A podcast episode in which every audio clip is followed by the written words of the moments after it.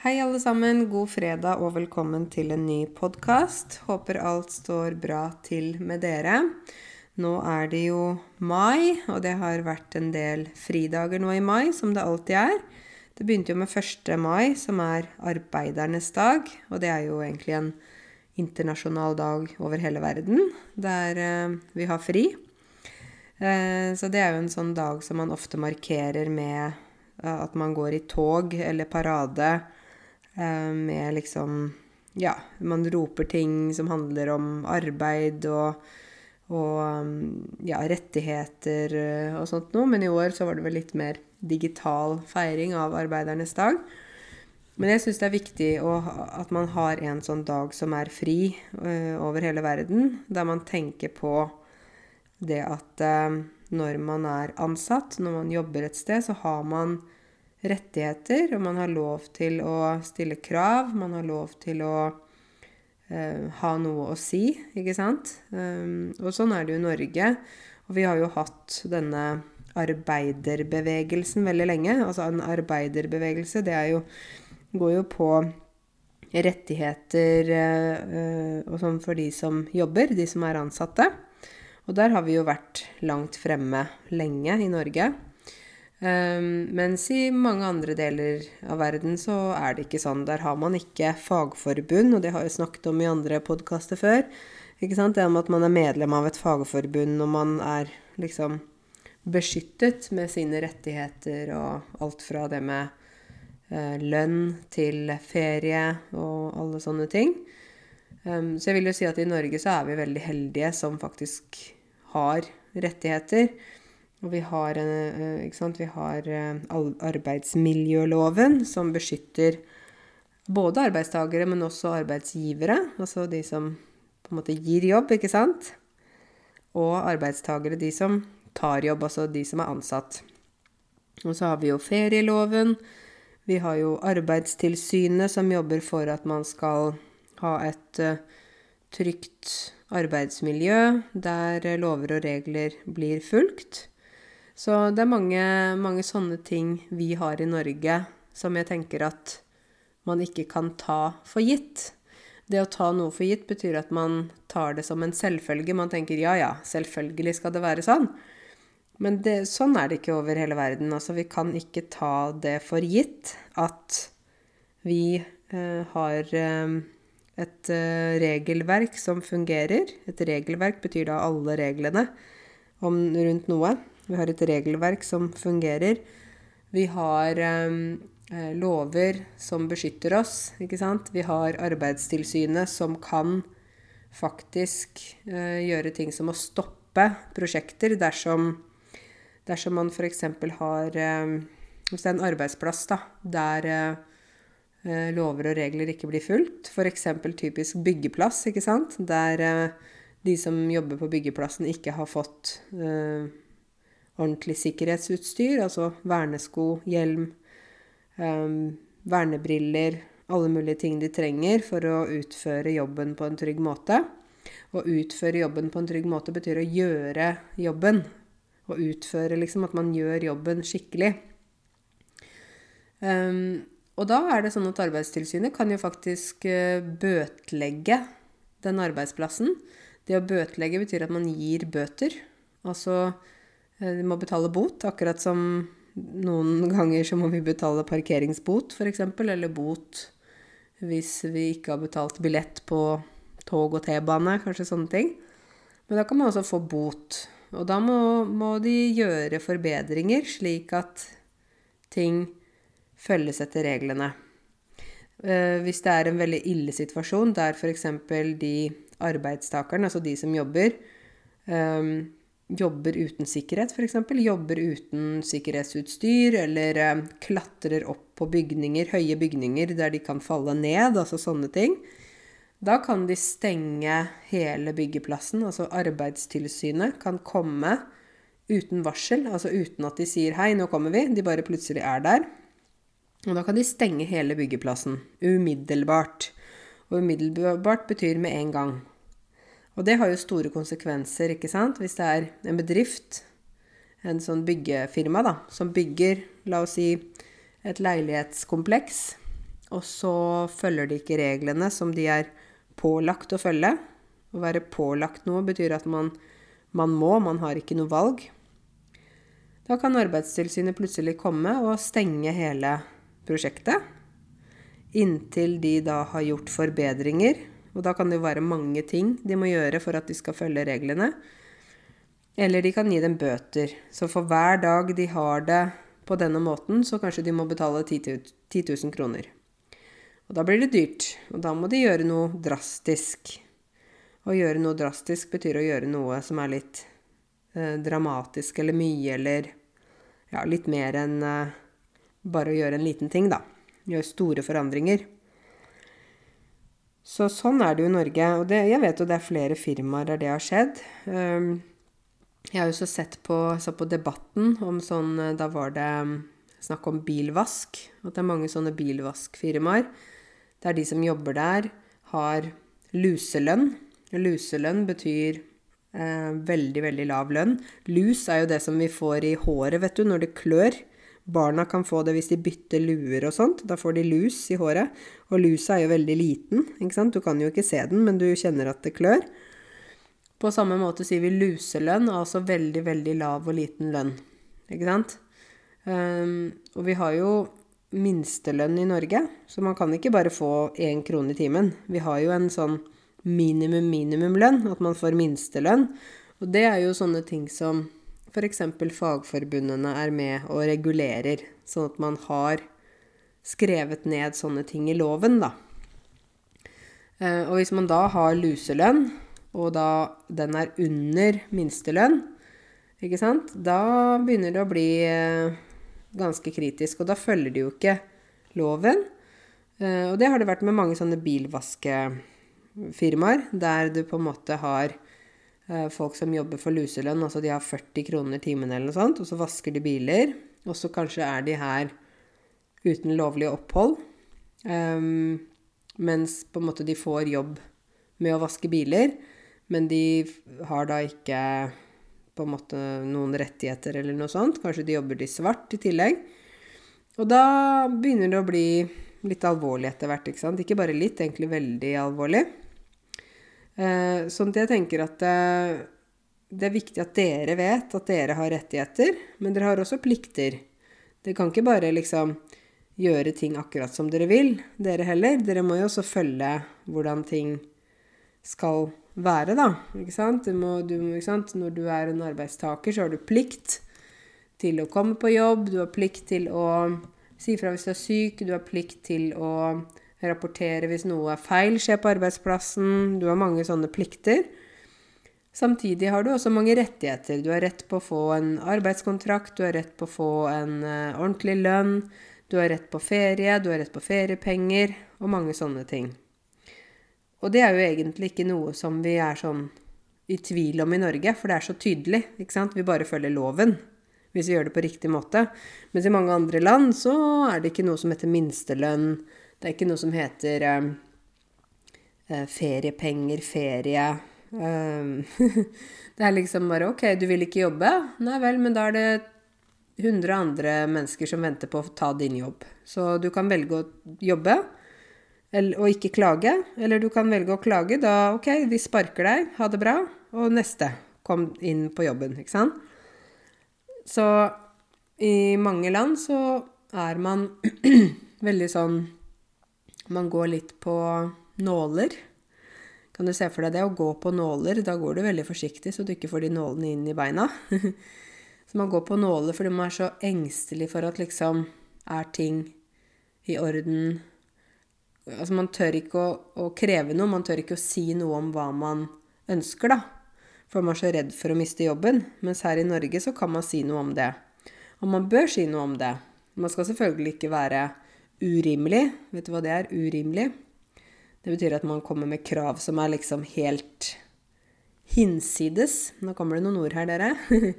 krav som er hinsides, betyr noe som er krav som er helt liksom ja, ikke er um, ordentlige krav, da. Eller ikke er noe fornuftig krav. F.eks. For hvis jeg sier ja, men jeg må få tre måneder ferie, og jeg må få dobbel lønn i ferien min. Det er krav som er hinsides. Det er helt Liksom, det går jo ikke. en, Hvis man har noen fornuftige ting, fornuftig innspill Å ha et innspill betyr at man kommer med en idé eller en kommentar eller noe sånt. Hvis man har fornuftig innspill, så skal man bli hørt. Um, og det er nok veldig forskjellig her i Norge i forhold til andre land, da, der man ikke kan komme med innspill, man kan ikke bestemme noe, man kan ikke egentlig si så mye i det hele tatt. Man må bare si ja og takk og OK, OK, sjef, OK, greit. Og sjefen sier 'nå må du jobbe ekstra i helgen', OK. Selv om du egentlig har en plan. Selv om du egentlig skal gjøre noe annet. Nå snakker jeg litt fort, gjør jeg det? selv om du egentlig Selv om du egentlig har en annen plan.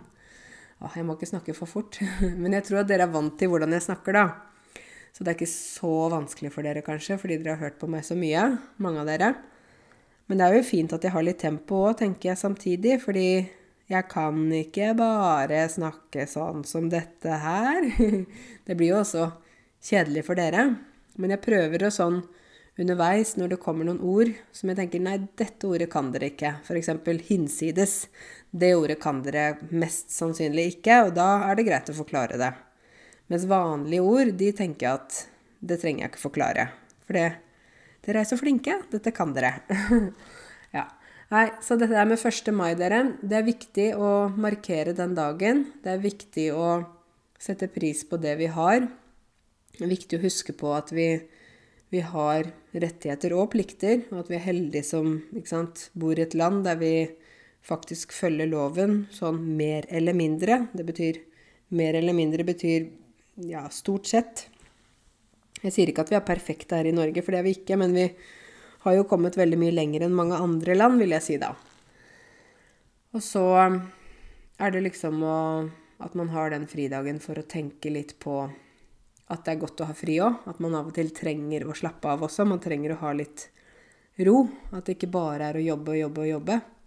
Jeg ser det med meg selv. Altså, jeg har jo veldig stor arbeidskapasitet, som mange av dere kanskje uh, vet. Altså, jeg har jo sagt det, men mange lurer også på Ja, men Karense, hvorfor har du så mye energi? Hvordan klarer du liksom å jobbe så mye, og du Og jeg tror For meg så har jeg alltid hatt stor arbeidskapasitet. Det betyr at jeg kan jobbe mye, kan jobbe fort, kan ha stor arbeidsmengde. Men det betyr ikke at jeg bare vil jobbe og aldri slappe av heller. ikke sant? Selv om jeg har stor kapasitet, så trenger jeg også å ta det litt med ro. Jeg trenger også å ha en helg der jeg ikke stresser og ikke løper fra sted til sted og sitter med dataen og jobber hele helgen. Jeg liker jo også å ha fri. Være sammen med venner og familie og gå på tur i skogen og sånne ting. Så jeg tror livet handler også om en balanse, da for å, for å, finne ro og for å ha det godt, så må man ha en balanse i livet. Det er jo kanskje det mange av oss strever med å få til. Å streve med noe. Det betyr at man, man jobber hardt, men det kan være litt vanskelig. Man strever. Man strever med norsk grammatikk, ikke sant? Man strever med å finne en balanse i livet. Jeg prøver jo så godt jeg kan å ha liksom en balanse mellom at jeg er med venner, jeg er med familien min. Jeg eh, er eh, litt i naturen, som er viktig for meg. Jeg klarer å ta meg av hunden min. Jeg klarer å ta meg av firmaet mitt og lærerne mine. Jeg klarer å være en god venninne.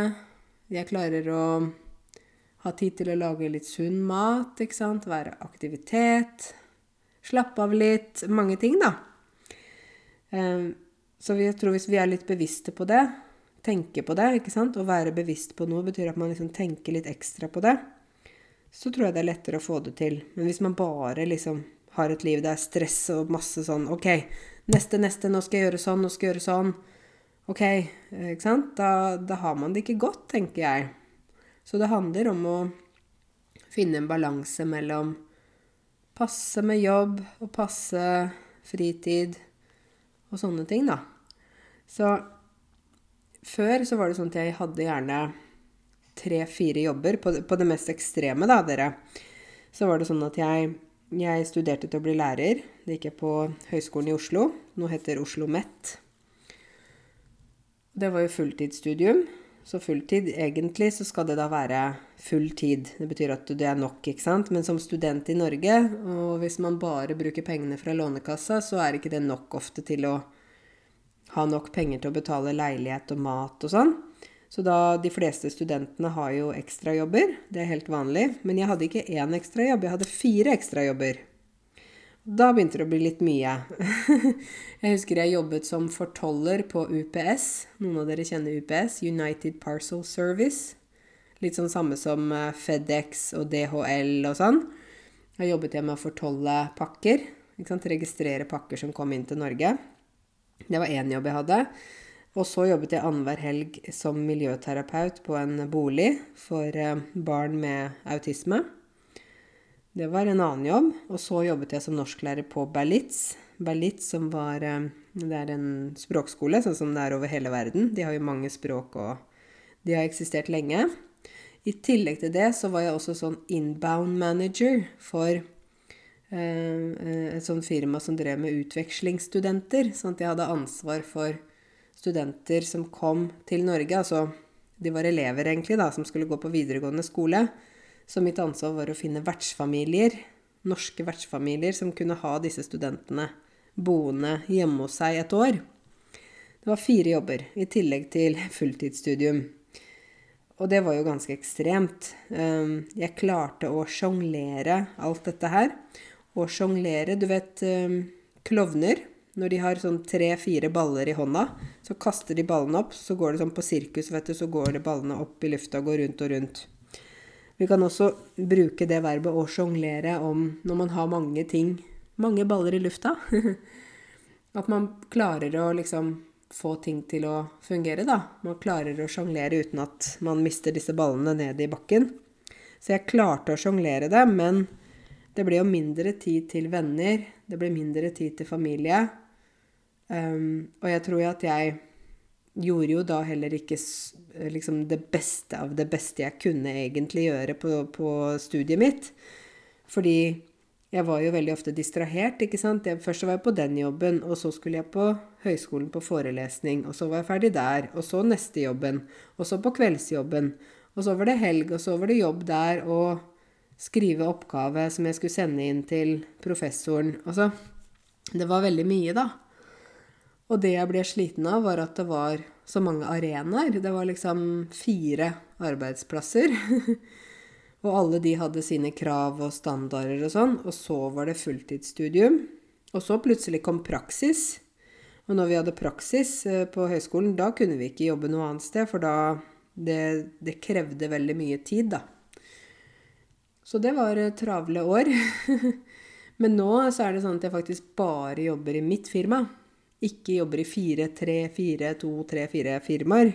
Og det er utrolig godt, for da kan jeg ha 100% fokus på det jeg gjør, og utvikle det, og, og, gjøre på en måte det beste jeg kan der, istedenfor å ha så mange eh, baller i lufta. ha så mange jobber og så mange ting jeg driver med. Um, men jeg har jo måttet sette grenser for meg selv, ikke sant? At uh, av og til så er det jo sånn Vi da som har veldig stor arbeidskapasitet og liker å jobbe, kan av og til bli litt grenseløse. Og det å bli grenseløs betyr at man Det er ingen stopp. Det bare, det bare blir mer og mer og mer og mer og mer. Det stopper ikke, skjønner du.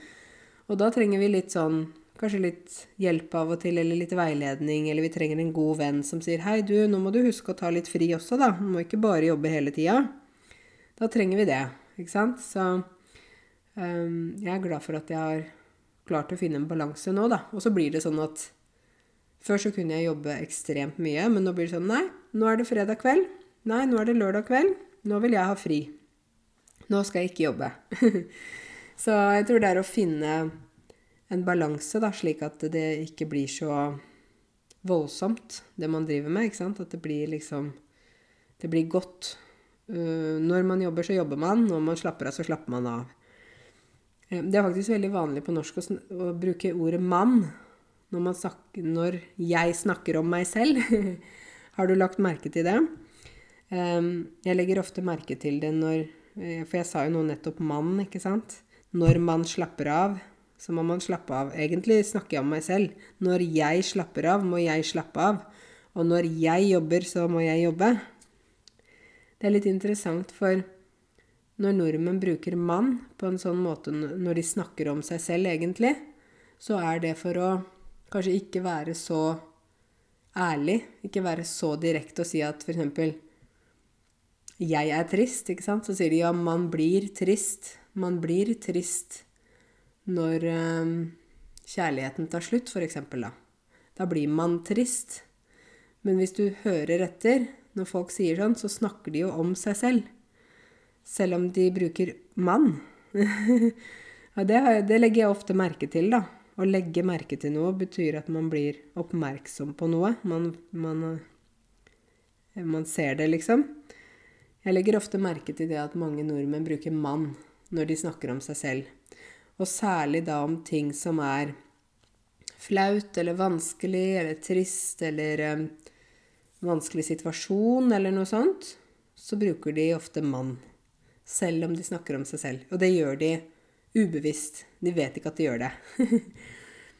um, for eksempel kan noen si Ja um, Man blir jo litt demotivert uh, når man aldri hører noen eh, fine ord fra sjefen.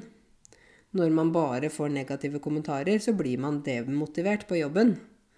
Og da er dette her en person som mest sannsynlig da snakker om seg selv, som ikke får positive kommentarer fra sjefen.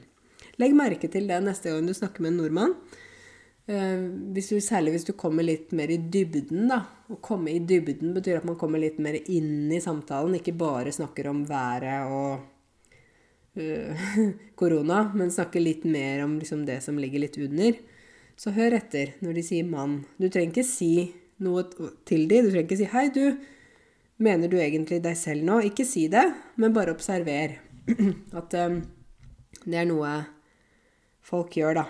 Og det gjorde du jo selv nå også, ikke sant? At når man jobber, så må man jobbe. Nei, når jeg jobber, så jobber jeg. Og når jeg slapper av, da slapper jeg av. For jeg vet jo ikke hva dere gjør. jeg kan jo ikke snakke for andre folk, egentlig. Så ja, nok om det. Bare litt observasjon. Ja, dere. Um, vi uh, uh, hadde jo 17. mai. Det var jo 17. mai-feiring. Uh, og det var Ja det var jo fint fordi vi kunne ha noen gjester, så vi hadde noen gjester her hjemme. Og det var så fint å kunne ha noen folk hjemme hos seg, og ikke bare sitte alene, og ikke bare ha digital liksom, feiring. Så vi hadde noen folk på besøk her, og de hadde lagd mat, og vi lagde mat. Og så eh, hadde vi noen med bunad og noen med dress, og vi hadde pynta oss alle sammen. Og jeg syns jo det er veldig hyggelig å møtes med gode venner, da og man kan dele sånne dager sammen. Så vi hadde jo eh, både musikk og god mat her og sånn. Og så eh, har jeg en venninne som hadde på seg bunad, som var her, og jeg hadde på bunad. Vi var hjemme hos oss alle sammen. Og så hadde vi jo en del eh, eh kenyanere her, for dere vet eh, samboeren min er fra Kenya. Så det var en del kenyanere, men de bor jo her i Norge. Um, og det ble en veldig morsom miks, da. ikke sant? Fordi da, da, tok vi og dansa litt her. Uh, og da hadde vi sånn afrikansk musikk, og så dansa vi med bunad. så det var en veldig morsom eh, kombinasjon, da. Og det er litt sånn Jeg tenkte på det også denne gangen, fordi uh, dere vet, jeg, jeg, har jo fortalt dere før om at jeg har ikke drukket nå, har faktisk ikke drukket alkohol på to år. Jeg har ikke smakt alkohol på to år i det hele tatt. Og det er så deilig. Jeg syns det er fantastisk deilig å ikke drikke. Um, men igjen da, når det blir fest, ikke sant, og noen drikker, så blir det sånn litt sånn at 'Hvorfor drikker ikke du?' og hva Det blir sånn mas om det. Og jeg vet at noen av dere også har skrevet mail til meg og sagt at 'Ja, Karense, det er så sant hva du sier, for vi som ikke drikker, vi, vi opplever så mye mas og press rundt dette med drikking', og folk liksom spør 'Hvorfor drikker du ikke?' og hva, hva Ikke sant? Um, og her kom det også da 'Hvorfor drikker du ikke, og hva er det, og hvorfor ikke?' Så jeg nei, men jeg bare Jeg har ikke lyst på. Og for meg så Jeg er veldig sosial. Jeg kan fint snakke, jeg er ikke sjenert. Og jeg kan fint danse. Jeg trenger ikke drikke alkohol for å danse. Jeg er ikke flau. Jeg er ikke sjenert. Jeg kan bare danse. Jeg er ikke sånn, jeg syns ikke det er eh, liksom For mange nordmenn, tror jeg i hvert fall, er litt sjenerte, reserverte, så de trenger å drikke litt alkohol for å både snakke med fremmede, for å danse, for å tulle. Ikke sant? De trenger den alkoholen da, i den sosiale sammenhengen. Men jeg trenger ikke det. Jeg kan bare danse og tulle og le, og jeg trenger ikke alkohol for å gjøre det. Så ja, jeg syns det, det, som var også veldig fint, var at uh, de som skulle hjem da på kvelden, så skulle de ta buss eller noe sånt, så sa jeg ja, men jeg kan kjøre. Jeg er jo edru. Å være edru betyr at man ikke har drukket alkohol. Ikke sant? Man er helt edru. Så jeg sa jeg er jo edru, jeg kan kjøre dere, jeg. De sa hæ, har ikke du drukket? For det var noen som ikke, ikke så da, om jeg drakk eller ikke drakk. Så de har du ikke drukket? Så jeg nei. Ja, men du dansa jo og sånn. Så jeg eh, ja, selvfølgelig dansa jeg. Og en, en, nordmann som kan danse og ikke drikker, går det an? ja, så det er litt sånn komisk, da, at det er så mye styr med denne her At det er eh, så mye styr med den der dansinga eh, og, og, drikking. Men eh, det er mulig. Det er mulig å både danse, og det er mulig å, å ikke drikke. Både være edru og danse. Så det er helt fantastisk at det går an. Nei da. Men 17. mai var bra. Ehm, jeg hadde jo på meg bunaden min. Bunaden min heter Buskerudbunad, fra den tiden Buskerud var et eget fylke. Nå er det jo Viken. Um, den bunaden min var det min mormor som broderte. Den er grønn, og så har den sånne blomster som er gule og røde på seg. Um, og det som var så fint, var at mormoren min broderte, og så laget disse her blomstene, ikke sant, med nål og tråd. Og hun var ferdig med å brodere, men mormoren min døde i januar, det året som jeg skulle konfirmeres. Slik at vi måtte ha en, en annen dame som satte bunaden sammen, altså sydde sammen alle delene. Men selve broderiet, eh, de blomstene og sånn, det hadde mormor allerede brodert. Så hver 17. mai når jeg har på meg den, så tenker jeg veldig på henne, da. Og tenker på veldig glad for at hun fikk brodert den før hun døde. Um, det var noen som hadde spurt meg litt om sånn bunad. Hva heter alle de delene på bunaden? Hva heter disse her tingene? Hva heter alt?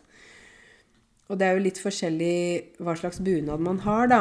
Men um, det er jo selve bunaden er på en måte den kjolen, ikke sant? Um, noen bunader har jo sånn slags vest. Um, noen bunader har ja, sjal over skuldrene, f.eks. Min har ikke det, men jeg har da bunadsskjorte. Det er en skjorte som også Det er håndbrodert på skjorta. Og så er det bunaden. Det er selve den grønne kjolen, på en måte. Eh, og så har du da sånne runde eh, sølvgreier, eh, og de kalles for søljer. Sølje.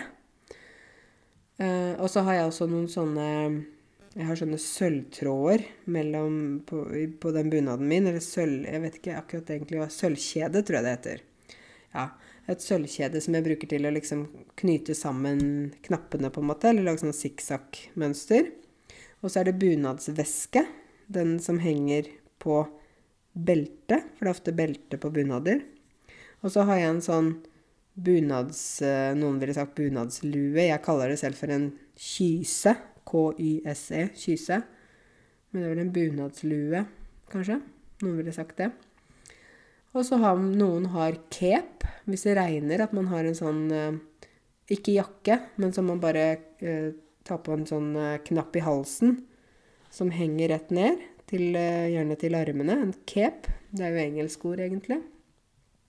Så er det bunadsko. Og noen har bunadsparaply. Eh, noen har eh, Altså jeg sa noen har sjal på ryggen, på skuldrene. Noen har et slags tørkle i halsen, sånn silketørkle kanskje. Og så har man øredobber og mansjettknapper gjerne, som hører til. Sånne mansjettknapper som man har knapper på skjorta i, rundt eh, håndleddet. Det er jo litt vanskelig for dere kanskje å forestille dere. Jeg burde gjerne Kanskje jeg bør lage en video om dette her. Men det som er, da, eh, når jeg skal ha på meg bunaden min, så er det ikke bare å ta den på seg og gå. Nei, det, er, det tar tid. Du må ta bunaden ut. Eh, sånn som jeg gjør. Jeg tar bunaden ut. Den henger i en sånn spesiell pose. Og så har jeg sølvknapper på bunaden, og de sølvknappene må jeg pusse. Fordi noe sølv Jeg pleier å ta plastikk, eh, plastikkfolie rundt sølvknappene, men det hjelper likevel ikke helt. Så når sølv får, er i oksygen, ikke sant, så oksiderer sølvet. Da blir det svart farge. Så jeg må pusse med en sånn sølvklut for at knappene skal bli blanke og fine igjen. Så må jeg eh, stryke bunadsskjorta, for den er ofte den er laget av lin. Ikke bomull, ikke silke, men lin. Ikke sant? På engelsk sier vi linen. Da må jeg stryke den. Det tar også litt tid. Så tar jeg på meg bunadsskjorta og bunaden. Og så, men i tillegg må jeg også pusse sølvet hvis det er noe av det sølvet mitt som har oksidert. For selv om jeg legger det i plastikkposer og plastikk for at det skal bli, være helt lufttett, at det ikke kommer noe oksygen inn i posene, så kan det likevel komme kanskje noe inn, og da, er, da må jeg pusse sølvet. Og da er det sølvet ofte svart farge, ikke sant? Så jeg må pusse slik at det blir skinnende blankt igjen. Um, og så må jeg ta på meg disse knappene, disse mansjettknappene, eller de som er ved håndleddet på skjorta, ikke sant? Så må jeg ta på meg søljene, og det er ikke så lett å få søljene på riktig plass. For jeg ser i speilet, men så bommer jeg ofte. Og bomme betyr at man ikke treffer riktig. Så jeg den blir ofte litt skeiv, så jeg må prøve mange ganger. Og jeg har to sånne søljer. Og så må jeg tre i. Og tre i betyr at hvis man tar en nål inn i en tråd Man trer tråden inn i nåla. Og tre, da skriver man T-R-æ. Æ for ærlig. Træ. Men man sier tre, akkurat som ordet væske. Som alt som vi drikker. Vann og juice og sånn. Væske, altså fluid på engelsk. V-æ-s-k-e. Men vi sier væske. Du må tre eh, tråden inn i nåla, og du må også tre, må tre dette sølvkjedet inn i knappene på bunaden. Hvis dere følger meg på Instagram lettere, så ser dere bildet av meg med bunaden min der. Bare søk på 'Norsklærer Karense', så finner dere meg på Instagram. Da ser dere bildet. Og så må jeg pusse bunadsskoene, for de er jo kanskje litt støvete. Og det er skinnsko, så må pusse de. Og så må jeg ta på meg den hatten, kysa. Og så må jeg sminke meg, men til bunad så syns vi veldig ofte at det er pent å ha litt naturlig sminke. Ikke masse sånn øyenskygge og eyeliner og leppestift og masse sånn. Det skal være naturlig. Og håret skal så være naturlig. Sånn av og til krøller jeg håret. Av og til har jeg håret bare rett ned. Ja. Og så må jeg finne frem flagget mitt. Og ja, det er en god del forberedelser. Så det er ikke bare å hoppe inn i bunaden og gå ut. Det, er, det tar tid. Jeg tror jeg bruker ofte halvtime, 45 minutter, før jeg har bunaden på meg. så Men jeg bærer den med stolthet. Vi kan bruke det for klær eller smykker eller noe sånt. At vi bærer noe. Vi har det på kroppen, da. Hvis du har et smykke fra et familiemedlem, ikke sant. Hun bærer eh, ringen med stolthet. Han bærer hatten med stolthet. Kanskje man tenker på noen familiemedlemmer, eller man har arvet noe fra noen. Så man bærer det med stolthet. Det er veldig fint, da. Um, så det er det med bunaden. Så det å kle på seg bunad, det tar tid. Men det som er fint med bunad, da, er at ja, det koster mye penger den gangen man kjøper det, men man har et festplagg. Et plagg er da noe, noe klær man har på seg. Bukse, skjorte, kjole.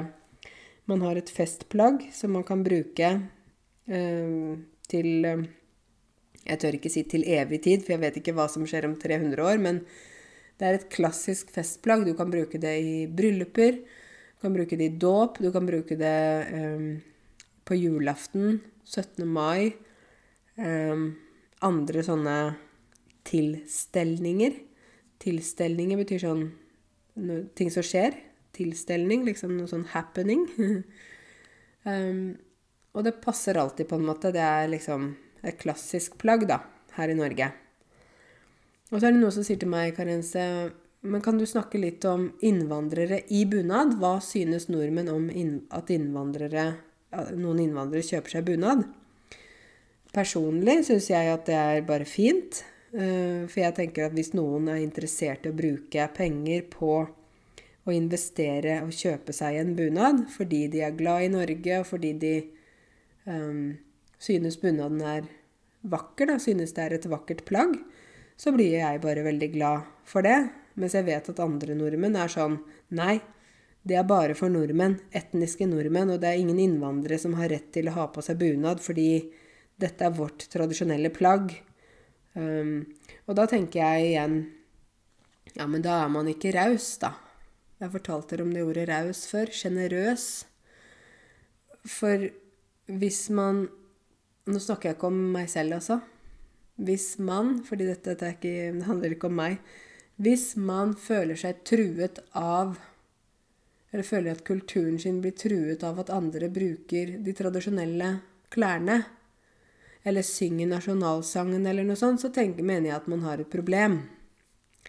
Og nå brukte jeg 'mann' bevisst, for nå snakker jeg generelt. Jeg snakker om flere folk. Jeg snakker ikke om meg selv.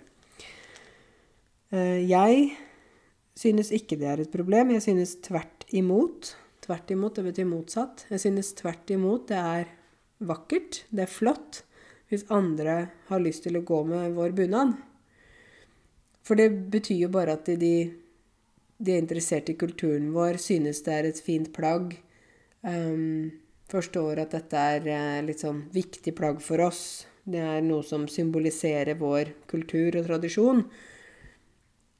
Og det er jo noen som er sånn at uh, nei, det skal ikke komme innvandrere her og komme med sin rare mat og komme med Skjønner dere? Sånn type sånne folk, da. Jeg tenker bare uff, stakkars, det er så mye dere ikke vet. Hallo, eh, det er bare fint å kunne dele sin kultur. Det betyr ikke at Norge er mindre norsk, eh, norskt land, eh, fordi om noen bruker bunad. Jeg syns bare det er flott.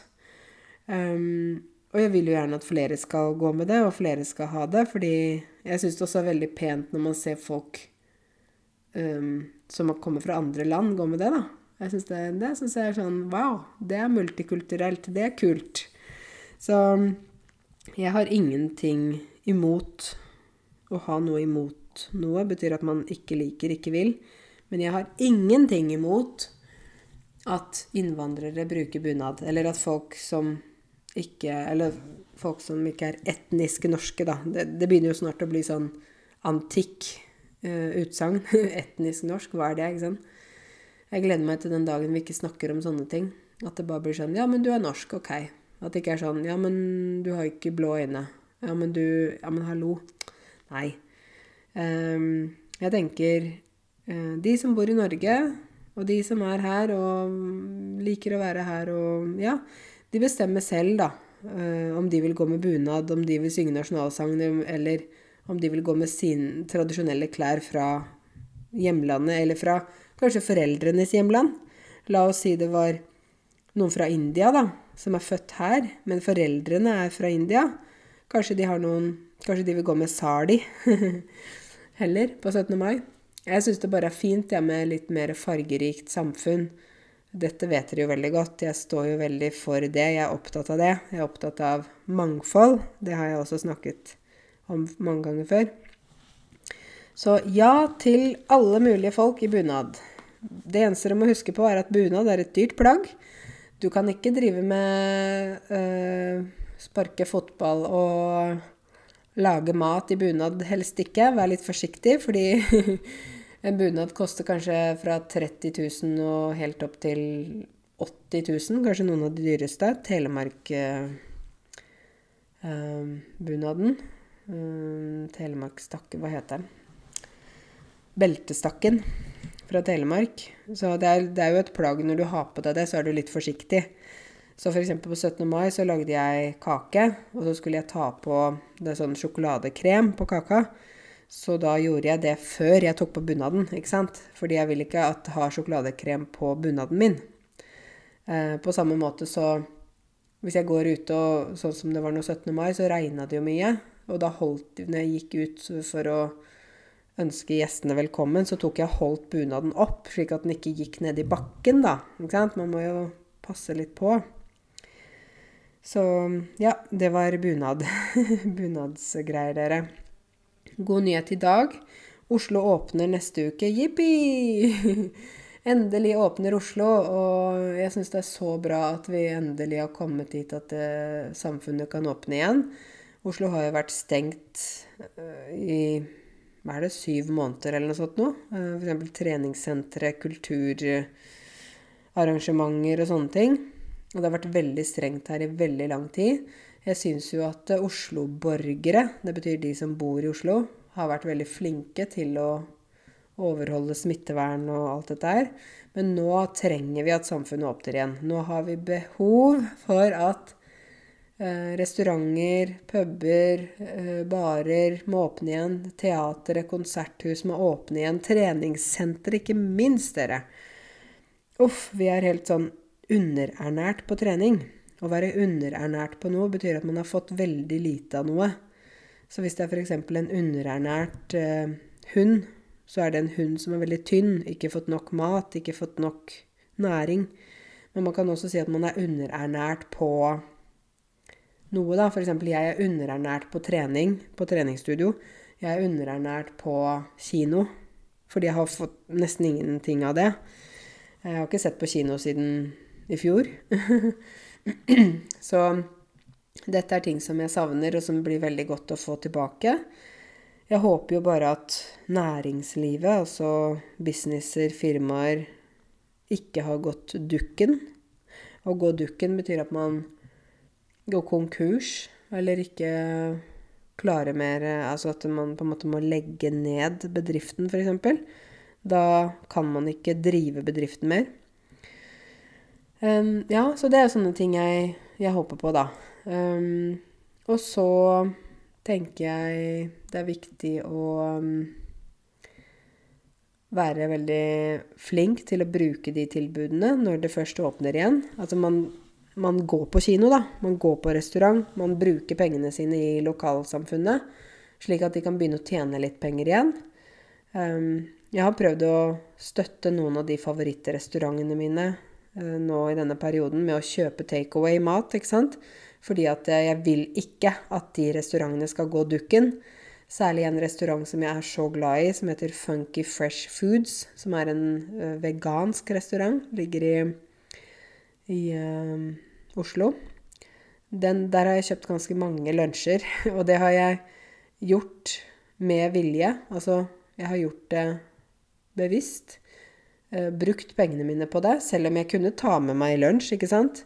Jeg kunne bare gå og kjøpe meg en yoghurt og et eple, men jeg har kjøpt lunsj fra dem fordi jeg vil at de skal overleve. Jeg vil at de ikke skal gå dukken, da. Og da må jo vi som forbrukere, vi som kunder, må jo hjelpe til, ikke sant? Det er jo vi som kjøper deres tjenester. På samme måte har jeg eh, Um, F.eks. når vi hadde disse Ja, det må jeg fortelle dere, vi er jo ferdig med oppussingen. Jippi, jippi! uh, det burde jeg jo sagt innledningsvis. Innledningsvis betyr i starten. Men um, glemte det. Kanskje jeg har fortrengt denne oppussingen. Og fortrenge noe betyr at man vil glemme det helt. Ikke huske det. Jeg har fortrengt den traumatiske oppussingen. Ja, men nå uh, sitter jeg i den ene stua hjemme her. Jeg har jo hjemmekontor fortsatt. Uh, og her er det nye gulv. Vi har malt vegger. Det gjorde vi selv. Og det er ingen som banker og hamrer her. Ingen kommer klokka sju for å skjære i vegger og tak. Så nå er det utrolig godt. Alle gulv er byttet. Vegger er malt. Um, vi har fått garderobe. Det var jo også veldig deilig å få klærne inn i skapet. Vi har fått nytt kjøkken, så nå gjenstår det. At noe gjenstår, betyr at det er noen ting som fortsatt ikke er gjort. Det gjenstår bare noen små ting, som å henge opp noen lamper i um, kjøkkenet og sånn. Og da venter vi på de fra Litauen skal komme tilbake, for de er i Litauen nå. Så de skal komme tilbake, og da må de sikkert i karantene. Men de er så flinke at jeg vil gjerne at det er de som skal gjøre det, ikke noen andre. så det blir det. Så ja, oppussingen er ferdig. Uh, nå er det ro og fred. Det er utrolig deilig. Så egentlig nå så er jo alt uh, bare fryd og gammen. At noe er fryd og gammen, betyr at det er bra. Veldig bra. Det er bare fryd og gammen. Um, eneste som jeg ikke er så glad i i mai, det er at det er mye pollen. For jeg har sterk bjørkepollenallergi. Og det gjør at jeg i mai, selv om jeg synes mai er en veldig fin måned, så blir jeg veldig trøtt. Jeg klør i øynene mine, får tett nese. Altså derfor jeg ikke har lagd så mange podkaster i mai, fordi da blir det sånn Jeg prater sånn som dette her. Hvis jeg har tett nese, selv om jeg bruker nesespray og sånn, og medisiner, så er jeg likevel tett i nesa, øynene mine renner, tett i uh, Liksom, ja. Jeg ikke korona, men jeg vet at det er pollenallergi. Jeg eh, blir veldig trøtt, vil gå og legge meg. Vil gå og sove midt på dagen, fordi det er jo i mai at bjørkepollen ofte uh, er på sitt mest intense. Det er mye pollen i lufta. Så ironisk nok så liker jeg når det regner i mai. Selv om jeg egentlig ikke er så glad i regn. Jeg liker best sol. Men i mai så er det bra, for når det regner, så blir pollen skylt bort. Ikke sant? Mens når det er fint vær, så er det masse, masse, masse pollen i lufta. Og du kan se at det er sånn gult, ikke sant? Gult på vinduet på bilen din, f.eks. Eller at det er gult eh, liksom ute på rekkverket på verandaen, eller noe sånt. Og da, da blir jeg så dårlig. Jeg blir så Jeg blir litt ubrukelig. Det å være ubrukelig betyr at man ikke Man kan ikke brukes til noe. Så det hadde ikke blitt så veldig bra podkaster hvis jeg hadde lagd eh, mange. Nå begynner det å bli litt bedre. Det har regna litt også, så da, nå er jeg i god form. Um, men gudskjelov, lov, altså det betyr egentlig takk. Takk og lov, takk Gud. Gudskjelov for at uh, jeg bare har bjørkepollenallergi og ikke grasspollen og hva heter alle disse her? Burot og Det er masse forskjellige typer pollen. Jeg tenker på de som har grasspollenallergi. Det må være utrolig kjedelig. Da kan man ikke sitte ute i hagen eller ute i parken. Man begynner å nyse og klø i øynene. Det er jo kjedelig, altså. Så bjørkepollen er kjedelig å ha allergi mot, men jeg har kun det. Så likevel så er det ikke så ille. Så ja. Mai er snart over, og da, da er ofte pollen over også, så det blir bra. Men dere, jeg håper at dere har det bra. Dere som er allergiske med pollen, jeg håper at det, dere går eh, At det kommer til å løse seg for dere. Så jeg tenkte til slutt i dag så skal jeg lese en, Jeg har fått en liten historie fra en av lytterne som skal eh, Som ville fortelle litt om sin Eh, historie. Og det er sånn som jeg spurte om noen av dere vil dele historien sin. Og da er det altså en av lytterne som heter Aurelia. Aurelia, kanskje, fra England. Aurelia sier vi på norsk, da. Og hun uh, sier at det er greit at jeg deler navnet hennes, da. Så da gjør jeg det. Hei, Aurelia, hvis du hører på nå. Her kommer historien din. Hun skrev kort til meg om uh, sin historie. Nå leser jeg for dere, da. Det er litt hyggelig å høre hvem lytterne er også. Da står det Hun skrev til meg. Jeg heter Aurelia og kommer opprinnelig fra England. Jeg har jobbet i National Health Service, NHS, som leder i mange år. En helt vanlig jobb. Men mannen min, Tom, er akademiker. Han er en antropolog og jobber som forsker. På grunn av dette bodde vi i mange steder, både i England, men også utenlands i Øst-Afrika. Først bodde vi ett og et halvt år i Nairobi, Kenya, mens han forsket på doktorgraden sin. Etterpå bodde vi i Tanzania i to år. Vi bodde i Arusha, nær Serengeti National Park. Men vi elsket å reise til Zanzibar av og til, der du bodde. Og så skriver hun her på swahili skriver hun Lakini ninafikiri kwamba tuliishi kule mbele yetu. Eh, og det er kanskje ikke noe som alle dere for, eh, forstår, men det, eh, det, betyr på en måte eh, jeg, eh, Helt direkte oversatt betyr det at jeg, jeg, trodde vi bodde Vi bodde rett foran oss, men jeg, jeg, tror det handler om tid her, da. At, at du, du, bodde der før oss, eller noe sånt, egentlig, når hun skriver det, da. I hvert fall. Videre, vi flyttet hit direkte fra Tanzania i mars i fjor. Så de flyttet i 2020, når Norge stengte ned, fra Tanzania til Norge. Jeg vil ikke anbefale noen å flytte til et annet land under en pandemi. Det var utrolig stressende, som du kan forestille deg. Men vi elsker Norge. Vi jobber som forskere ved universitetet, og vi trives med friluftslivskulturen. Jeg elsker å lære norsk, og vi har veldig lyst til å bo her lenge. Vi har fingrene krysset for det. Så skriver hun tusen takk for din innsats, og håper denne e-postmeldingen ikke går rett til søppelkassen din, som den fra universitetet i Canada for lenge siden. Hils Bahia Aurelia. tusen takk, Aurelia, for at du delte din historie. Det er jo spennende at uh, dere har bodd forskjellige steder fordi mannen din er forsker. Og jeg har jo fått flere sånne historier, så jeg kommer til å dele uh, historiene til folk sånn litt underveis. Det var Aurelia sin. Forrige gang leste jeg jo et dikt, hvis dere husker det. Uh, så jeg håper at flere kan sende inn sin historie. Da kan dere sende til e-posten min. Karense alfakrøllnote.no. Så kanskje jeg får flere historier å lese. Det er spennende. Men jeg vil bare si tusen hjertelig takk for at dere lyttet til podkasten min. Nå tenkte jeg skulle ut og gå tur med Bahia her, for hun driver og strekker seg og venter på tur. Ikke sant, Bahia?